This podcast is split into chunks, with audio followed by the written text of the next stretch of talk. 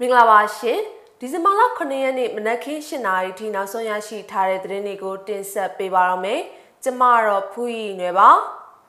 တမရနဲ့နိုင်ငံတော်တိုင်ပင်ခံပုဂ္ဂိုလ်တို့ကိုချမှတ်ခဲ့တဲ့ထောင်ဒဏ်၄နှစ်အနက်နှစ်နှစ်ကိုလွန်ငင်းခွင့်ပြုကြောင်းစစ်ကောင်စီကကြေညာလိုက်ပါတယ်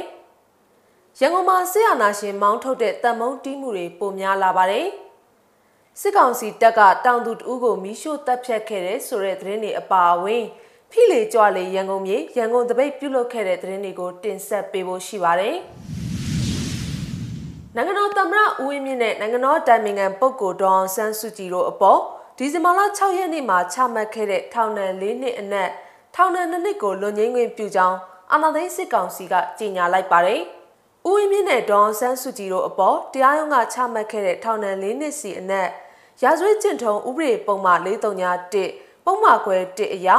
ထောင်ဒဏ်နှစ်နှစ်ကိုလွန်ငင်းသက်သာခွင့်ပြုသည်လို့အာဏာသိမ်းစစ်ကောင်စီပြန်ကြားရေးဌာနကကြေညာခဲ့တာပါ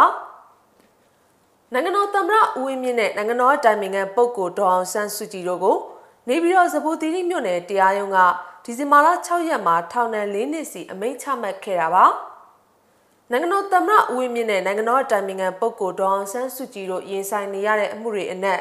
နိုင်ငံတော်အကြီးအကျယ်ပြည့်စုံမှုဥပဒေပုံမှန်905ခါခွေအမှုအတွက် ထောင်ဒဏ်2နှစ်စီနဲ့တဘာဘေးရနေဆိုင်ရာစီမံခန့်ခွဲမှုဥပဒေပုံမှန်25အတွက်ထောင်ဒဏ်2နှစ်စီစုစုပေါင်းတဦးလျင်ထောင်ဒဏ်4နှစ်စီချမှတ်ခဲ့တာဖြစ်ပါတယ်။အဲဒီလိုအမိန့်ချမှတ်ပြီးတဲ့နောက်လူငင်းချမ်းသာခွင့်လို့ဆိုပြီးဒီဇင်ဘာလ6ရက်နေ့ညနေပိုင်းမှာထောင်ဒဏ်2နှစ်ကိုရှော့ပေါ့ပေးကြောင်းစစ်ကောင်စီကကြေညာခဲ့တာဖြစ်ပြီးကြံထောင်ဒဏ်2နှစ်ကိုတော့လက်ရှိထိန်းသိမ်းထားတဲ့နေရာမှာပဲကြားခံရမှာဖြစ်တယ်လို့စစ်ကောင်စီပြန်ကြားရေးဌာနကကြေညာခဲ့ပါတယ်။ အမိန့်ချမှတ်ရမှာသမ္မတနိုင်ငံတော်တိုင်ပင်ခံပုဂ္ဂိုလ်တို့နဲ့အတူနိုင်ငံတော်အကြီးအကျယ်ပြည့်စုံမှုဥပဒေပုံမှန်905ခခွေအမှုတွဲမှာပါဝင်တဲ့နေပြည်တော်ကောင်စီဥက္ကဋ္ဌဒေါက်တာမျိုးအောင်ကိုလည်း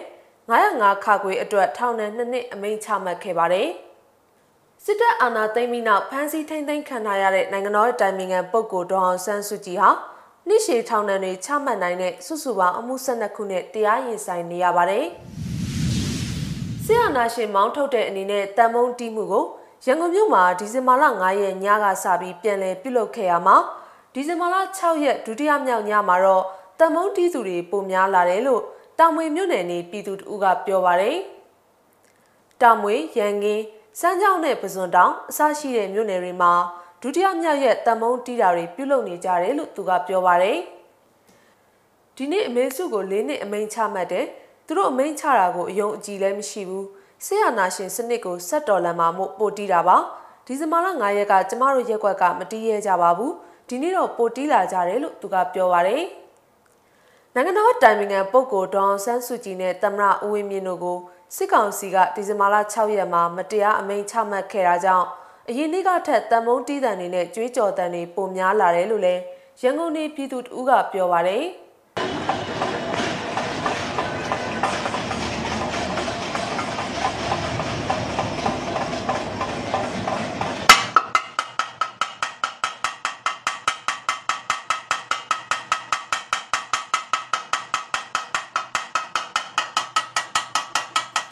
ကုန်မြို့ကြီးမနိုင်မြို့နယ်ရှိပန်းမင်ကြီးလမ်းမှာငင်းချမ်းစွာဆန္ဒပြတဲ့လူငယ်တွေကိုစစ်ကောင်စီတပ်သားတွေကဒီဇင်ဘာလ9ရက်မှာစစ်ကားနဲ့တိုက်အကြမ်းဖက်ဖြိုခွင်းခဲ့ပါတယ်။အဲ့ဒီဖြစ်စဉ်ကြောင့်ဒီဇင်ဘာလ9ရက်ညပိုင်းကစပြီးရန်ကုန်မြို့ရှိမြို့နယ်တွေမှာပြည်သူတွေကတကြောပြန်တံမုံတီးတာတွေပြုလုပ်ခဲ့ကြတာပါ။ရန်ကုန်ပြည်သူတွေကတံမုံတီးပြီးဆရာနာရှင်ကိုမောင်းထုတ်နေတဲ့မြင်ကွင်းတွေလည်းလက်ရှိလူမှုကွန်ရက်စာမျက်နှာမှာများစွာပြန့်နှံ့လျက်ရှိပါတယ်။ စကိုင်းတိုင်းကလေးမြို့နယ်ချောင်းခွရွာနေငွမ်နေထန်းဆိုတဲ့အမျိုးသားတဦးကိုစစ်ကောင်စီတပ်ကမီးရှို့တပ်ဖြတ်သွားတယ်လို့ချင်းမျိုးသားအဖွဲ့ချုပ် CNO ကဒီဇင်ဘာလ6ရက်မှာထုတ်ပြန်ကြေညာထားပါတယ်။သူကလူအေးပါနိုင်ငံရေးတွေဘာတွေလည်းမလုပ်ပါဘူး။သူ့လို့သူ့လို့ပြီးအေးစစ်စစ်နေတာဘာကြောင့်အဲ့ဒီလူကိုရဲရဲဆက်ဆက်တတ်သွားရတာလဲနားကိုမလဲနိုင်ဘူးလို့အသက်ခံရသူနဲ့ရင်းနှီးသူတူကပြောပါတယ်။ဒီဇင်ဘာလ9ရက်မှာမြစ်တာမြေအရှိတ်ချမ်း တောင်ဖာဒေသရှိတောင်ရပဲကင်းမှာလောက်ကင်နေတဲ့အသက်55နှစ်အရွယ်ငွမ်နေထန်းကိုစစ်ကောင်စီစစ်ကြောင်းကဖမ်းဆီးခေါ်ဆောင်သွားပြီးတော့အုံးမြေထူးကြီးရွာမှာအကြောင်းမဲ့အိမ်နဲ့အတူမိရှို့တပ်ဖြတ်ခဲ့တာဖြစ်တယ်လို့သူကပြောပါရယ်မြစ်တာမြေပေးရှိအုံးမြေထူးရွာဟာအင်ကြီးအိမ်ကောင်းမရှိတဲ့တငါရွာလေးဖြစ်ပြီး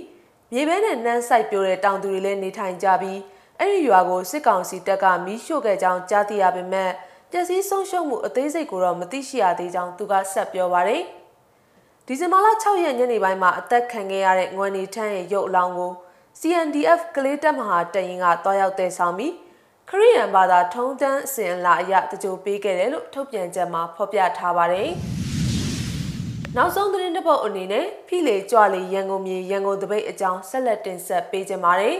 ။ရန်ကုန်တပိတ်အင်အားစုတွေဒီဇင်ဘာလ9ရက်နေ့ကအကြမ်းဖက်ဖြိုခွင်းခံခဲ့ရပေမဲ့ဒီဇင်ဘာလ6ရက်ညနေပိုင်းမှာ ရန်ကုန်လမ်းမထက်မီးတုပ်တွေကင်ဆောင်ပြီးဖိလေကြွလေရန်ကုန်မြေဆိုတဲ့စာတမ်းနဲ့အတူဆန္ဒပြခဲ့ကြပါတယ်။မြို့နယ်ပေါင်းစုံတပိတ်အင်အားတွေဖြစ်တဲ့ YAT Octopus ပြည်သူ့အကျိုးပြုလူငယ်အဖွဲ့အစည်း LGBT Community ရန်ကုန် Labor Alliance နဲ့တက္ကသများရန်ကုန်တို့ကဆီယနာရှင်ကိုအကျွင်းမဲ့ဆန့်ကျင်ကြောင်းဆန္ဒပြတပိတ်မှောက်ခဲ့ကြတာပါ။တပိတ်မှောက်ခဲ့တဲ့ရုပ်တံကိုလည်းဆက်လက်ရှုစားလိုက်ရအောင်ပါ။အမြင့်ပြဘာသာစတဲ့အမြင့်ပြ